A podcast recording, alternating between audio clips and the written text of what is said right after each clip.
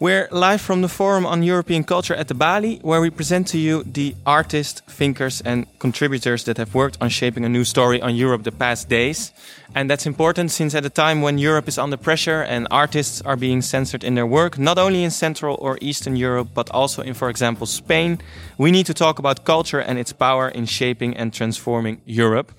Uh, my name is Tim Wagemakers, and you're listening to this while the last day of the forum is still underway. Um, in this second session, we just had a first session about uh, artistic space in Europe.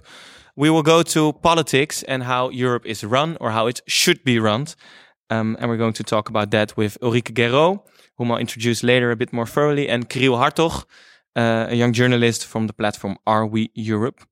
Um, and luckily, I don't have to do this on my own because I have for the second hour again Luc van Middelaar with me, historian, a political philosopher who knows Europe from outside but also from inside because he worked in Brussels as one of the chief EU speechwriters. So you're going to help me again. Um, and and this hour we're going to talk about something that I think close to your heart about Europe and how it's being structured and how we can organize it in a way that people are represented and have their voice heard. And I read your book, um, The New Politics of Europe. And uh, what struck me and what what I thought was quite amazing is how you actually take an interesting position between what people often call nationalism and federalism. You say that it's possible within the European framework right now to be a more inclusive and better representative uh, Europe. Can you say something about what your take is on if you answer the question who runs Europe? Who's running it? Yeah, well, there's various people, groups of people various types of politicians running it. So I think it's it's good uh, to cut through the idea that there's only one uh, building plan of centralizing Brussels, which has been at work since uh, 60 years and which now has created this Brussels, which we know, which is unreadable, uh, not understandable, and which seems to steamroll decisions over citizens all across Europe. What I would say is, in fact, there have been three competing visions of how Europe should be run and who should run it. One is perhaps the most powerful vision Europe should be run by the bureaucrats. It's a technocratic vision of European politics, the idea of the founding fathers that you can transform political conflict on values or interest in into problems which you can pragmatically solve. So that's so one category of people definitely is the bureaucrats. But then there have also been two competing more political visions uh, who said, well, depoliticizing issues is not possible for everything or it's not desirable. And these are, I would say, on the one hand, indeed, federalism, you mentioned them, and on the other hand, you could call it confederalism the Federalists, they, in a way, they bet on the European Parliament and on the future of the European Commission as a government, and they want to create a political space there. And the other school of thought, the Confederalists, is more betting on national leaders uh, to build that political space. Now, what has happened is, in fact, all three of them have been fighting and building parts of the kind of European cathedral in, in 60 years, which is one reason why it now looks so, so messy. And, um, but the original motives are still there. Eh? And in a way, all three building plans are still being further developed. Eh? The, the, parliament, each time uh, with each treaty gets new powers. We'll have the next year European elections, where again there will be a further push for federalization, which is very interesting. And at the same time, um, national leaders have also been more closely involved in yeah. European politics. And I do not necessarily think that is a problem. Now, if you briefly look at these three points, huh, the bureaucrats, uh, the idea of federal Europe, and the idea of um, confederal Europe, they all three have their strengths and weaknesses. You can imagine that. I mean, it's good. I mean, uh, uh, the, the, risk of bureaucrats is that they act without political cover, and that becomes real dictatorship of bureaucracy. The risk of only leaving things to uh, members of European Parliament and the Commission. Of course, they have a pan-European view, which is good, but they have a relatively weak link with public, with public opinion. Uh, many people have no clue who their members of European yeah. Parliament are. And the third, uh, national leaders, it's a bit the other way around. They do not always, or some Some of them never have a European vision, but on the other hand, they have a very strong link with their public. Now, where, whereas for, for me, the biggest problem is in fact with the idea of technocracy. That is the biggest problem. Whereas we will later hear Ulrike, she maybe has the biggest problem with the idea of national Yeah. governments being part of it. But let's, before we go to Ulrike, um, um, because in your book you quite eloquently say that European politics is, is shifting from a politics of rules to a politics of events. And actually, to, to, to get a bit of grip of what that means, you've been working there and you saw some crisis going on. Mm-hmm. Can you take us to the moment, or maybe can you take us to what did you see around happening to everyone who worked in Brussels when, for example, the, the, the financial crisis and the refugee crisis hit us? Did the nature of their job change? I think the nature of the job completely changed in a way. Uh, the, what I call politics of rules is the old system of building a market, patiently uh, making uh, rules uh, to weave interests together on on food hygiene or wheat prices, etc. Of course, very political fights as well, but in the end, um, it is relatively easy to take a lot of time for it and to bind it all together. Whereas in the crisis politics, uh, the banking crisis, euro crisis, refugee crisis, even more so. There it was a matter of dealing with unexpected shocks, events, ereignisse, and there was, in many cases, no time, either for lack of preparation or because it was indeed completely unprecedented. I remember a weekend, well, it's now eight years ago, in May 2010, when in 48 hours, uh, the EU as a whole had to find 750 billion euro to make sure that the euro would still be alive the next day. So there, it's not seven years of negotiating uh, with commission proposals, green papers, white papers, God knows what, but 48 hours for very controversial decisions. And the same happened in the when Russia invaded Yeah. Crimea or in the refugee crisis, when the very structures were at stake, and that required improvisation, but also a different kind of political leadership, and also, perhaps more importantly, also for our discussion, in these big crises, citizens really were well, many were angry or disappointed, but they, in any case, whatever their emotion was, they realized something was at stake for them in their capacity as citizens. It was not far away Brussels a market, which is maybe interesting for for for farmers or big businesses, like it was for for decades. But they could feel that issues like okay, who has the right or not to cross our border? Uh, Things were will- at stake for everyone. and yeah, things were at stake for everyone, and they were.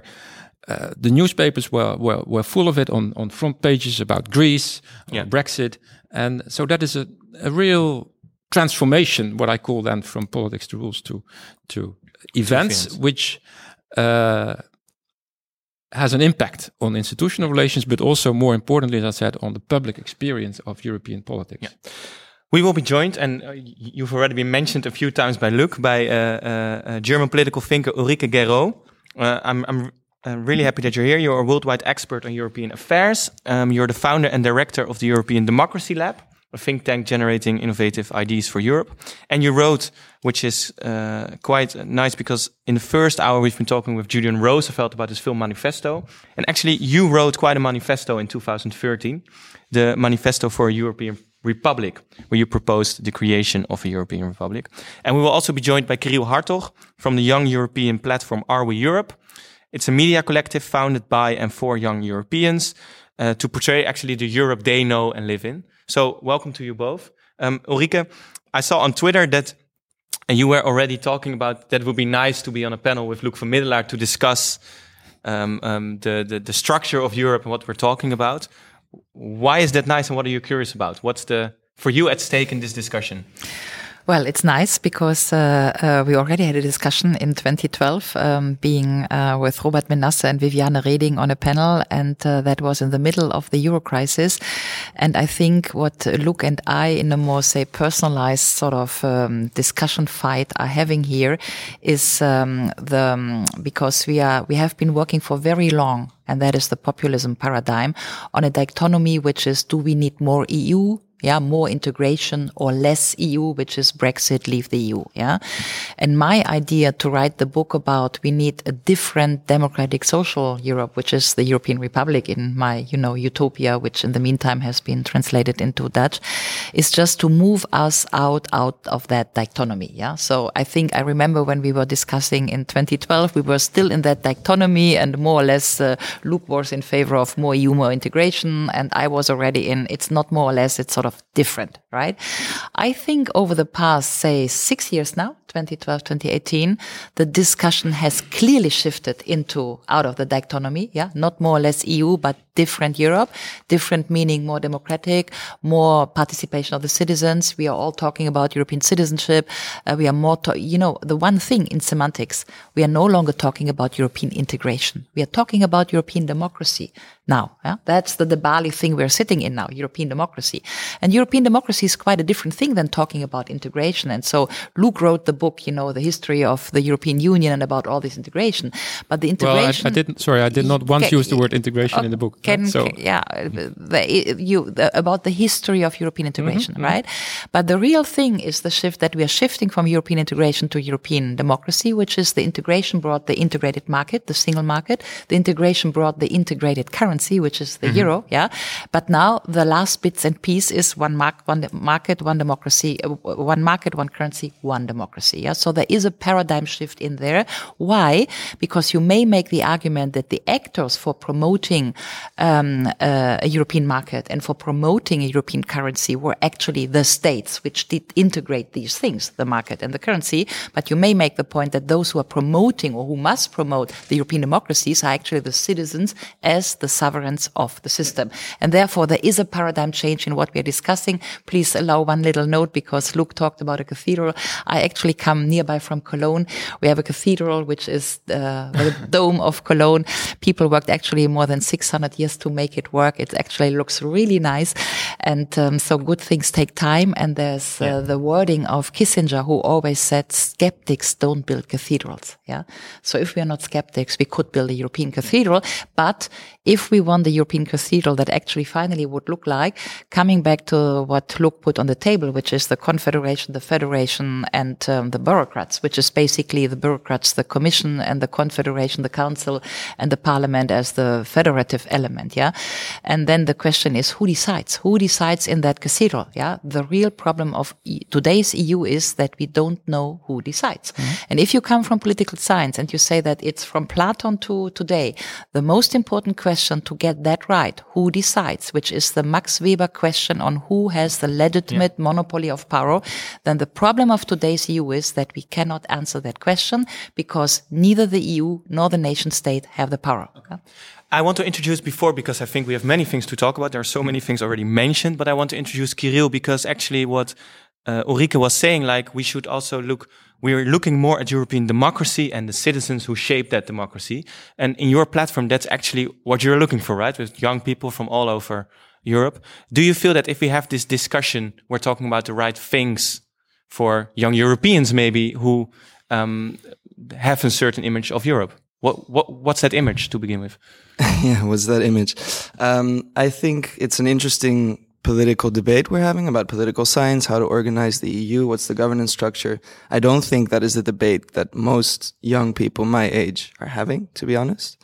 Uh, whether they should be having that is a is a different question. But the image of the EU, often in the media, is portrayed as something gray, as something bureaucratic.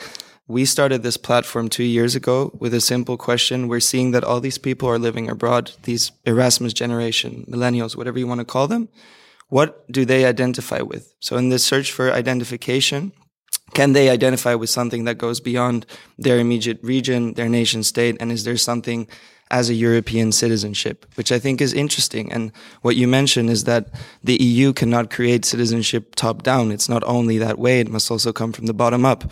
I think that's exactly what we're trying to explore. What would that kind of identity look like if it's not only imposed on an institutional level, but if you actually engage in a dialogue with people our age? And, and we see quite some interesting results, actually. What kind of results? Well, for example, take Brexit. Uh, I remember a lot of talk about the, the single market and the damage to geopolitics and the role of soft power if the UK would leave the EU.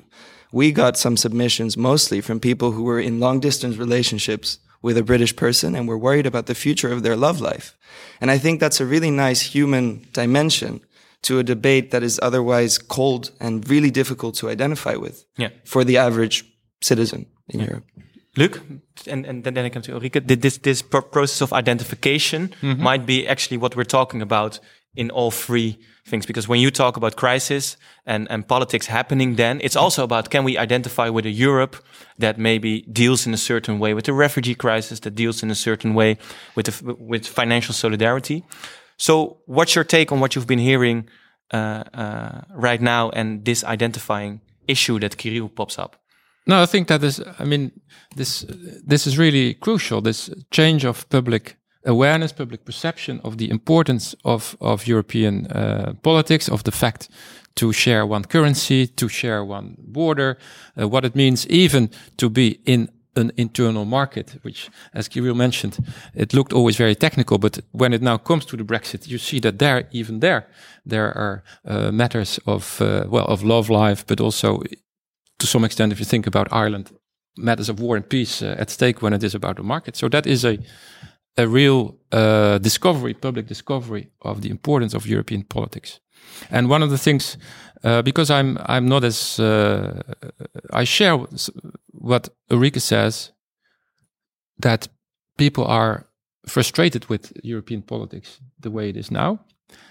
Uh, but I think the, the key problem is that people have the impression young people and uh, older people likewise, that they have no grip on what is coming out of the EU, be it in Brussels or in Berlin, uh, whether it is Juncker and, uh, or whether it is Merkel, and that it is steamrolled over them. And that's why I think, and that is a theme of, of, of my own uh, latest book, it is so important to have and see emerging a space of opposition.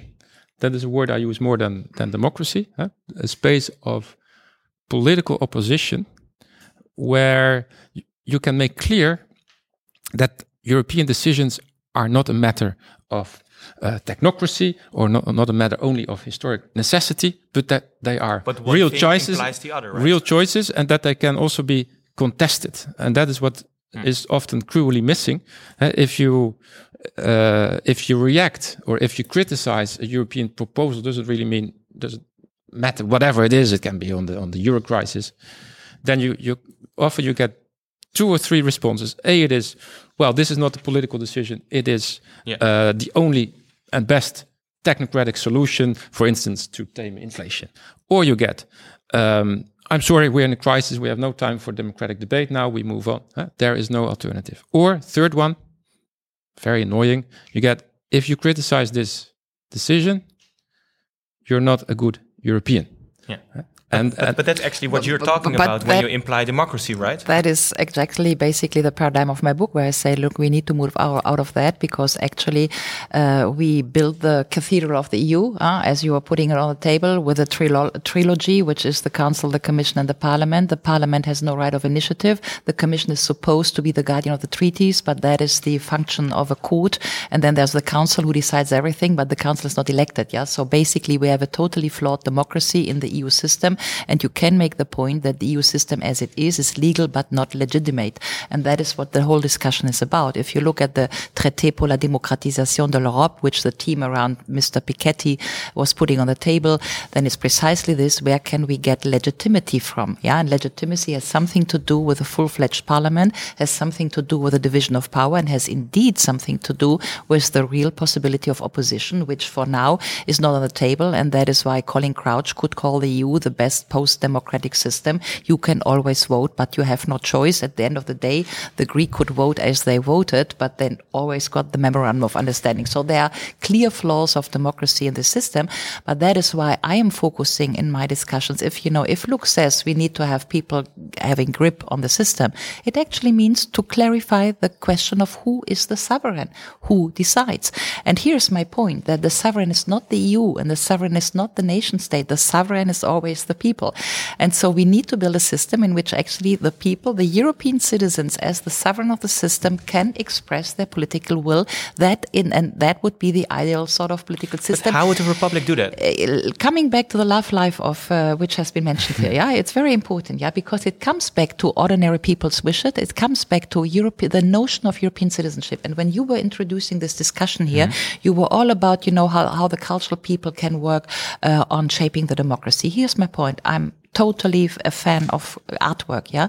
But a citizenship has always a normative underpinning. Citizen is because you are having the same rights with your fellow citizens, yeah. And if we look back to the Maastricht Treaty, 92, the Maastricht Treaty was about union of states and union of citizens. And actually the political reality is we only built the union of states. That's why the council decides it all.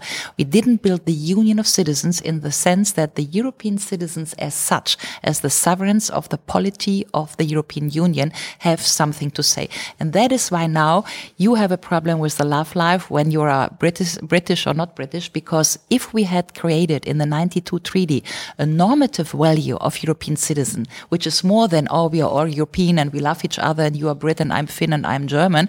So beyond the cultural sort of, there's that European identity thing that we had a European citizenship which would be normatively valid, meaning we are all citizens equal in front of the law then we had it because that is the definition of republic. A republic in the definition of Cicero is nothing else than those citizens who agree to embark together into a political project. But those citizens don't want it because well, they voted no in the European no, Constitution. They are not so much think that those citizens, because if you say those citizens mm-hmm. are the Brits, then part wanted it and the other half didn't want it. That's why sure. the British and the, you know, well, the UK is basically dead as of today because there's no such thing than the Brits, because the Brits are totally split.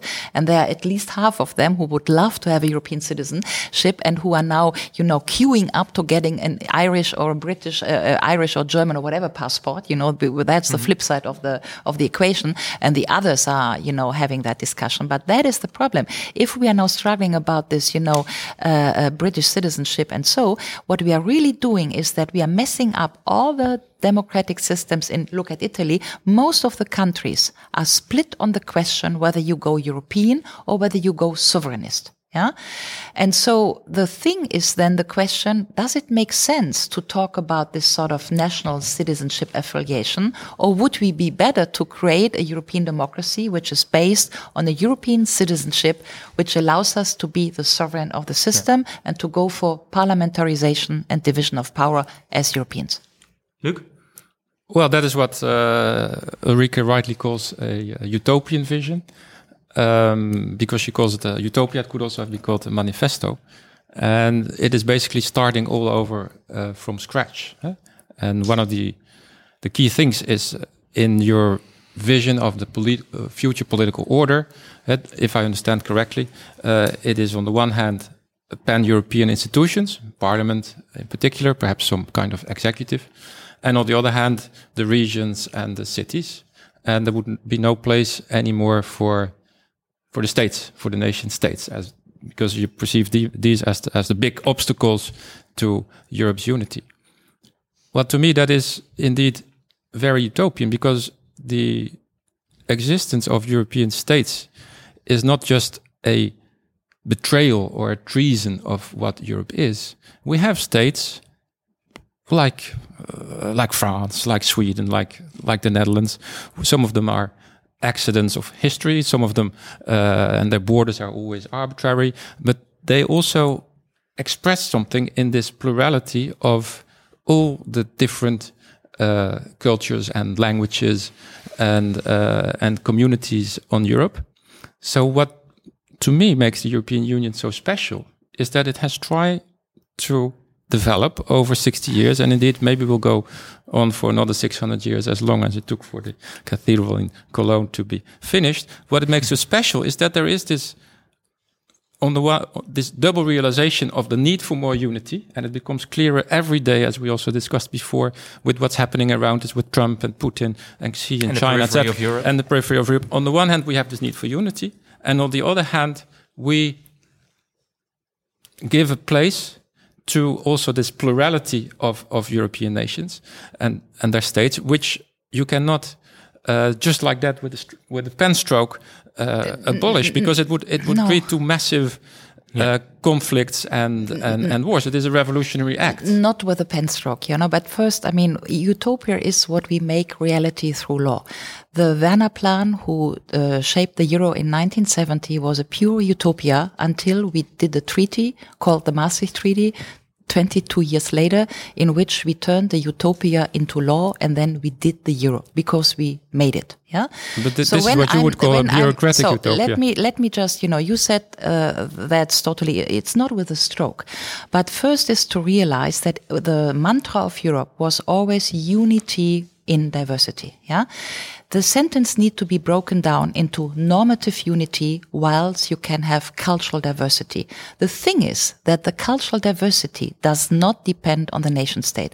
Look, I was in Rennes, you know, and the French were telling me, the people in Rennes or in Nantes, they are telling you that they speak Breton. They have not so much cultural identity with the Corsic people, yeah, but they are in the French Republic not because of cultural identity, the same kitchen or the same culture. They are citizens of the French Republic because they have normative unity between Rennes and Corsica. Yeah. So the idea is that we could work on a system in which as European citizens, 510 million European citizens are equal in front of the law, which means normative unity whilst having all cultural identity as they want. But then the cultural identity, and that is my central point, does not stem from the nation state. I am born, as I told you, next to Cologne. But if you go back 300 years, you know, I was together in the kingdom of Limburg, yeah, which combined Maastricht and Aachen. So what I'm saying is that the national border today is many times very random. Yeah. For instance, mm-hmm. the Austrian Italian border cuts Tyrol into two pieces or the French Spanish border cuts Baskenland into two pieces or whether Alsace belongs to Germany or to France was a question of history as much as Saarland voted to belong to the Bundesrepublik Deutschland. So what a nation is today is quite random sort of thing.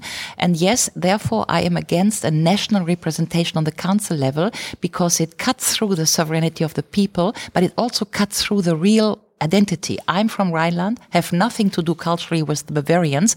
I am, though, in one state with them only because of normative unity. And that is my point. And I think we could work on a system which makes that happen for the European citizens at large. Yeah. And it, nobody would dismiss identity, but we would still be on the normative unity, which would pre- go for the love life of the young bec- because I want to go to Kirill because we're talking about identity also. What do you feel connected to? How do you see this?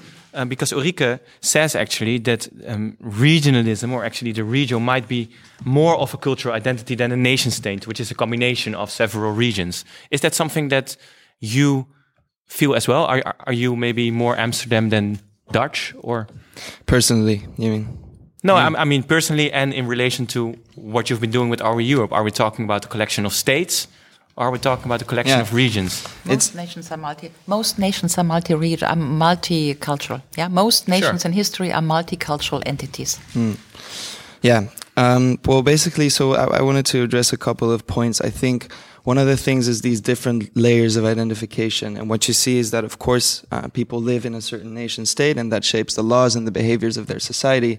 But uh, with, with our contributors who mostly have traveled and who have experienced a sense of identification with a different culture, with a different language, uh, that national identity might be eroded slightly, and they might identify with something larger. At the same time, regionalism is a very strong identifier. Your local football team, or your your your your local cuisine, or your immediate surroundings definitely shape your identity. But I think that they're not mutually exclusive, and I think it would be very nice to go towards it because we're talking about a bridge between what happens in Brussels and what happens in real life. And and your question how to how to make how to make young people care. Why should they vote in the next European elections? And part of the things that they that, that we should speak to them and appeal to them is by using tho- those different layers of identity. So speaking to their regional identity, but also having them appeal to something beyond that. Because it's true that we travel and that we exchange. And it's true that I have some more in common with a French girl my age because we listen to the same music and because we went to the same festival than a Dutch man of 70 uh, who I might share a passport with. In that sense, I agree with you. Is it generational? it's, it's generation is a very strong factor. I mean, look at the demographics in the in the Brexit vote, and you Mm-hmm. see a, a, a massive split in terms of age. So I think the hope for Europe in the Yeah. future as well. And maybe now it's still elitist to say that everyone should travel and study abroad, and it's not as easy if you don't speak six languages.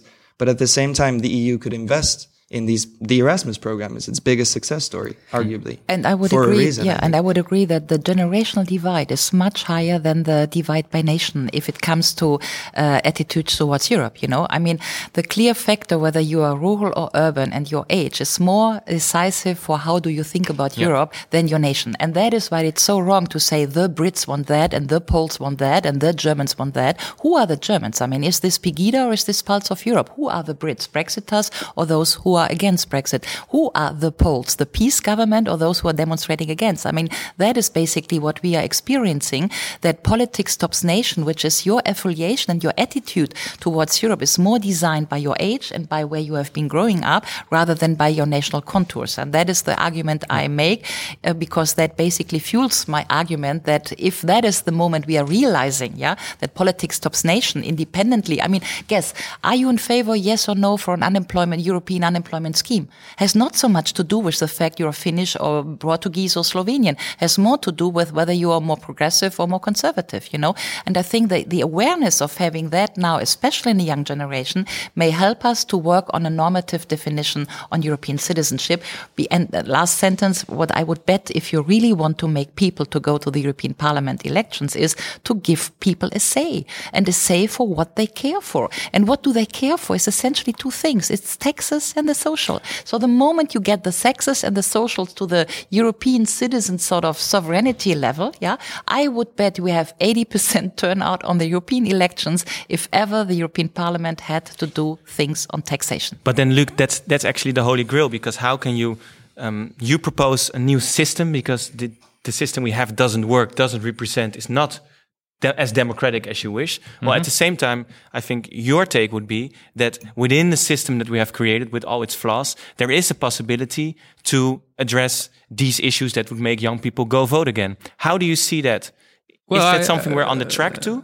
I agree with uh, also what Kirill is saying that it's we have multiple political identities uh, as as as citizens of our city, but also we have our national political identity, which is for many people, if you ask them today, uh, the most important political identity uh, they have, and we have European identity, and it is true, and that's a good thing that in relative terms people feel more and more European also because what is happening uh, in Europe and in the, in the world around us. But for me, what is most important is not to jump from national to European identity, but to increase people's awareness and the political uh, translation of European identity at, at, at? At, at the same time. But that is a matter also uh, of national politicians taking more uh, responsibility for European decisions. Huh?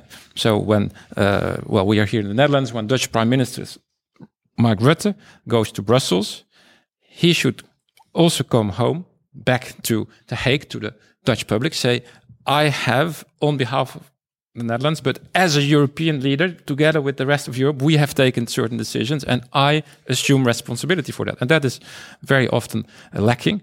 Now, and you, you can argue as people, uh, well, like Ulrike probably would, you will never change these guys. Uh, they're just uh, uh, uh, unreformable uh, nationalists.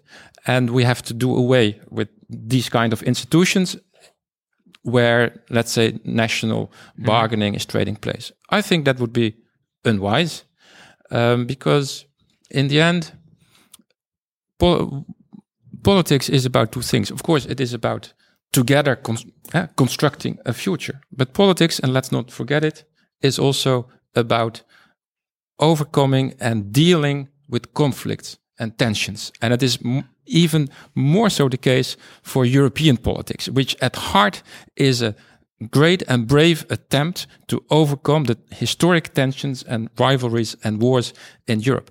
And this is why what we're trying to do in Europe is to have a system where these tensions become manageable. We will not all one day become European citizens cheering only for the blue flag with 12 stars and have the same opinions about issues Okay. like Okay, refugees. but I never said we, this. We, we, no, I just want to finish. Yeah. huh? We also need, at the same time, institutional places where um, these tensions become manageable between the French and the Germans Yeah. who still don't understand each other, or between the Greeks and the Swedes. And that's why we have this uh, But but this dual uh, political system, look, and there's that's a good clear reason point. for that. That's a clear point we can respond Fir- to. First, first, there are some statistics. Yeah, Allensbach umfrage in Germany just came out. If you ask people what is their identity, and you give open space for answers, most people answer my identity is family, region, town, my religion, my friends, and only seven percent answer my nation. Yeah, that, that's a given. If that is the intellectual space we have, I think I was making a strong argument that the Germans, the Slovenians, the Polish, and the French are no longer existing. People are basically split on how they position themselves to Europe. And all this leads me again to say that I think there is, you know, if we want to have uh, normative unity and uh, uh, cultural diversity, this is manageable in a political system. And when you say Mr. Rutte needs to come home to sell something to the Dutch, I want to make that point here. You know, the moment that the Dutch had this decision to have a referendum about the association agreement with Ukraine, you know, honestly, I felt like that's not fair because first you voted I fully for agree. yeah, So, you uh, we voted don't for that, that yeah, debate. but you, in the council it was voted yes by the Dutch government. Then you had a parliamentary decision on a yes for the association agreement, and then the Dutch took the basically the arrogance in some way to say let's us decide the people, and that was sold to us as a as a as a feature of European democracy. And No, here I, I, have to, I have to, I have that to was- correct the, but the was factual how the- situation. The government hated this referendum. That's why they Yeah. did such a bad campaign. They were forced by the people But in a way by, by certain but here is my uh, point. right-wing But- activists but yeah, to force okay, this referendum. So I, know, I know, but my point is, if there's a Ukraine, European Association Agreement with Ukraine, we vote on that by referendum as all European citizens or, none. not. Or none. But not only the Dutch who do a referendum on a European Association Agreement with Ukraine. And that is precisely pointing to the democratic deficit of Europe. Either we go everybody, but then as European citizens on a European agreement, or none. Yeah. But are, you giving uh, enough credit to the European institutions as they are right now? Because no one will say that the way uh, European is dealing the refugee crisis is uh, well dignified for many people who come to Europe. But at the same time, we screened this great documentary, The Eighth Day, about how Europe managed to um, to uphold its its its financial solidarity at, at the least at the financial crisis. At the same time, Europe is maybe worldwide one of those few regions where still many countries are willing to create that space to overcome conflict. Um, would you not say that also Europe is in that sense a great achievement that you try to do away? Or is that too easy? Uh, I, one sentence, but if the refugee crisis is a good example for we do not know who decides. Yeah, we have a valid uh, uh, law rulement from the European Court that, for instance, Hungary needs to accept 963 refugees. Right? We do not put them in a bus though, and we do not transport them over the Hungarian border because Orban says no. So basically, we are in a PUT situation where the, the EU Council says this, confirmed by the European Court of Justice, and then there's head of state who says simply no, which is basically meaning in the Max Weberschen sense, we have no legitimate monopoly of power because we don't know who decides and we cannot sanction what we have decided, which is even worse. Yeah. Because then we have a system and we mm-hmm. cannot sanction it. Yeah. So let just leave it there because there's no answer, but it points to the most important weakness of the EU. We do not know who decides, and if we know, we cannot sanction. It's actually what Yeah? they said. We don't Yeah. know who to call when we try okay, to call yeah. Europe. Who mm-hmm. And the, and, and, and, and the second thing is the refugee crisis. Yes, I think it's very, very complex to, to discuss here. I, I, I- I was reading this morning in the Süddeutsche Zeitung a huge article about the prospects of population, global population. Yeah. So there's one thing to treat this as a refugee crisis. The broader question is how do we deal with an, a sub-Saharan African continent, which is basically going to double population in the next 30 years. Yeah. I want to, for the last five minutes, uh, bring one new term to the table, which is actually solidarity. Because if you talk about Europe, you can talk about the structure of the European Union. But if you boil it down, it's also about can we have solidarity with issues that happen in a different country, different region, whatever your st- standpoint may be. Kirill, do you see that among the generation you are talking with? And I keep, I, I know it's a bit unfair to keep talking to you as the, representative of, of every young person in, yeah. in Europe, but still. we have 150 contributors, so let's let's be modest. We're not the spokesperson for all of us. But well, yeah. I, I, actually want to ask uh, to all three uh, at the end of this uh, discussion: How can we sustain or work on solidarity with regard to these great issues, maybe outside of the institutions that we've been talking about?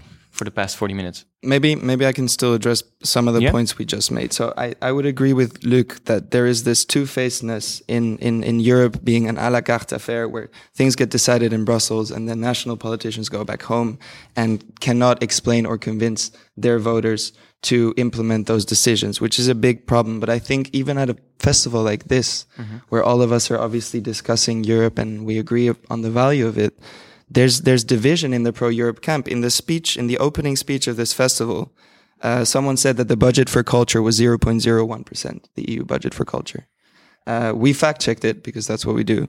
It's actually 10 times higher. It's 1.7%. Now you can argue whether that's a good thing or a bad thing, whether it should be more or less, but it's just, we need to get the facts straight and it's a matter of terminology as well. So even if, if we cannot agree, and that is also a problem that Brussels has, which is that communicating, communicating its value. Uh, it's not our responsibility to search on Eurostat like we did yesterday for 20 minutes to find the right figure. That is something that should be coming from them immediately because it's it's an amazing thing that we have a budget for culture. So that's ju- that's just to address that point uh, of mm-hmm. basically creating engagement by also clearly communicating the value of Europe. What are we talking about? Yeah. What are we talking yeah. about? Um, when it comes to solidarity, what comes to my mind is a super cool book, which I hope will be translated into Dutch with this Marcel Mauss, who's a French sociologue of the 1920s. And he wrote a book, Die Nation oder der Sinn für Soziale, meaning the nation or the sense for the social. And his definition of what a nation is is basically institutionalized solidarity. So a nation is not ethnic. A nation is those who agree to be in an institutional system of solidarity. And when we look back to the euro crisis, for instance, the biggest problem of Europe was that we were not in an institutionalized solidarity because we took random choices on whether or not the, mainly the German Bundestag would bail out the Greece, yes or no, or perhaps, yeah. But we basically negotiated that every now and again, and that created a lot of chauvinist discussions. Yeah. If we take the definition that Marcel Mauss suggests us, which is that solidarity is institutionalized solidarity, then everything that Macron very actually is putting on the table, which is a higher EU budget, a Euro finance minister, and all these things on which we would obviously vote in a differently designed European Parliament, because you cannot just claim a European finance minister. You would need to have a mm-hmm. parliamentary mm-hmm. body to which that finance minister could be responsible and accountable to. But then if we take the Macron speeches as say that's what we are now discussing about, we are in the moment of history in which we are deciding on whether or not we want to embark into institutionalized solidarity. If we take Marcel Mauss' definition, we are therefore in the historical moment on which we are deciding about the nation building of Europe. Yeah. Luc?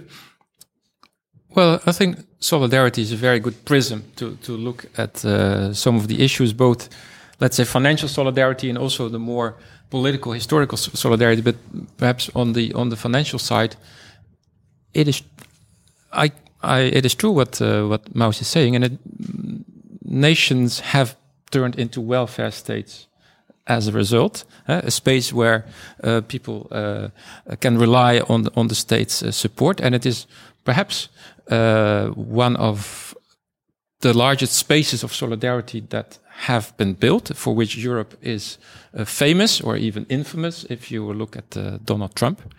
And we also see it is very difficult to reform that or to to uphold these spaces of solidarity. I happen to, uh, I'm Dutch, but I live in, in Belgium. Uh, there's not even pan-Belgian solidarity anymore uh, between the Flemish and the Walloons, and you have the same uh, divisions in other uh, European countries. Think about Italy or, or, or Catalonia. And therefore, I do not think that um, Europe of of regions would be somehow mm-hmm. show more solidarity with Europe as a whole. I mean, if the Catalans are walking out on the uh, Andalusians or on the Extremadurans, they because they don't want to pay for them, I don't see them paying for the for the for the Greeks either. But that that, that is just a a, uh, a footnote, maybe. I think more importantly, on the issue of solidarity, and that's also what this festival is about. Uh, how can we uh, enhance this this this awareness, of feeling that we are all Europeans, and in the end, uh, that is also has to do with storytelling and with uh, artists uh, reflecting and with um, of uh, in a way putting in words or in images this idea that we share this beautiful continent yeah. together and that we have to do something with that and it has to do with changing the words because you know solidarity is basically as i said uh, a random choice if it's not institutionalized yeah? But if you institutionalize it actually what we are talking about is no longer solidarity european solidarity. It's what we are talking about is a european fiscal constitution yeah? It's a eine europäische finanzverfassung a fiscal constitution which is normal. We have a currency. A currency is already a social contract. We cannot do away with it unless we want to do away with the euro, which is a big discussion now with Italy and so. But if we accept we have one market and we have one currency, which is already a contrat social in the sense of Rousseau, then to talk about a European fiscal constitution rather than talking about solidarity or transfer union or Haftungsunion, you know, all these things mm-hmm. which have a ne negative uh, uh, sort of spin in the wording, I think we would change the words because that is Johannes Evangelium. Yeah, at the beginning was the word. Françoise Dolto, tout est langue, everything is wording. Unless we stop talking about transfer union, which meaning sort of all the Germans pay for everything and the Dutch pay for everything, I think we won't get there. But if we change the wording and we stress the point that we do have one currency, a currency is a social contract in itself and it needs to be embedded into a European fiscal constitution, let alone a political constitution, then I think we have a way to go. Yeah. Kirill, last words to you, because actually, I think you you summarized already after 10 minutes this discussion. We're trying to build a bridge between those institutions and the world outside there, the love life of one person who actually experiences what Europe is like. Yeah. Um, we have the elections coming up next year. If we talk about this solidarity, what are you or what do you see we can do to work on that? Well, I'm glad that Luc mentioned storytelling because that's basically what we do. We are a collective of, of European storytellers, um, and and I think it works. I mean, this is a book that we printed, and uh, and you you can you can skip through it later, but I think that you get a nice impression of what a European solidarity might look like from photographs, from videos, from articles. And I think it's a matter of creating that dialogue in spaces such as this festival, obviously, beyond the institutional level. I'd also say uh, Europe goes beyond the currency in the Eurozone, right? There's not everybody's in the Eurozone. We have contributors from Ukraine and from Russia as well, because they identify with Europe. Lots of people in the Maidan revolution identify with Europe. I think it's interesting to engage in a conversation with them mm. and see uh-huh. why. Is it because they're rejecting Putin or is it because they believe in democracy and free rights and they want to belong to something else? Um, and I think that is the kind of conversations we need to be having. Good. Thank you so much, the three of you, uh, Ulrike Guérot, Luc van Middelaar, and Kirill Hartog. Um, um, we'll have the next hour where we'll dive a bit more. Actually, um, uh, we have some people, and one of them wrote a love letter to London. So uh, I don't know if you knew that already, but you gave a great uh, uh, introduction teaser for that. And we're going to dive into the question: What makes Europe a home to several people with different backgrounds? Um, we're going to talk about that. Thank you for listening a lot. My name is Tim Wagemakers, and I uh, hope to, to hear you again in the next hour. Thank you so much. Thank you. Thank you.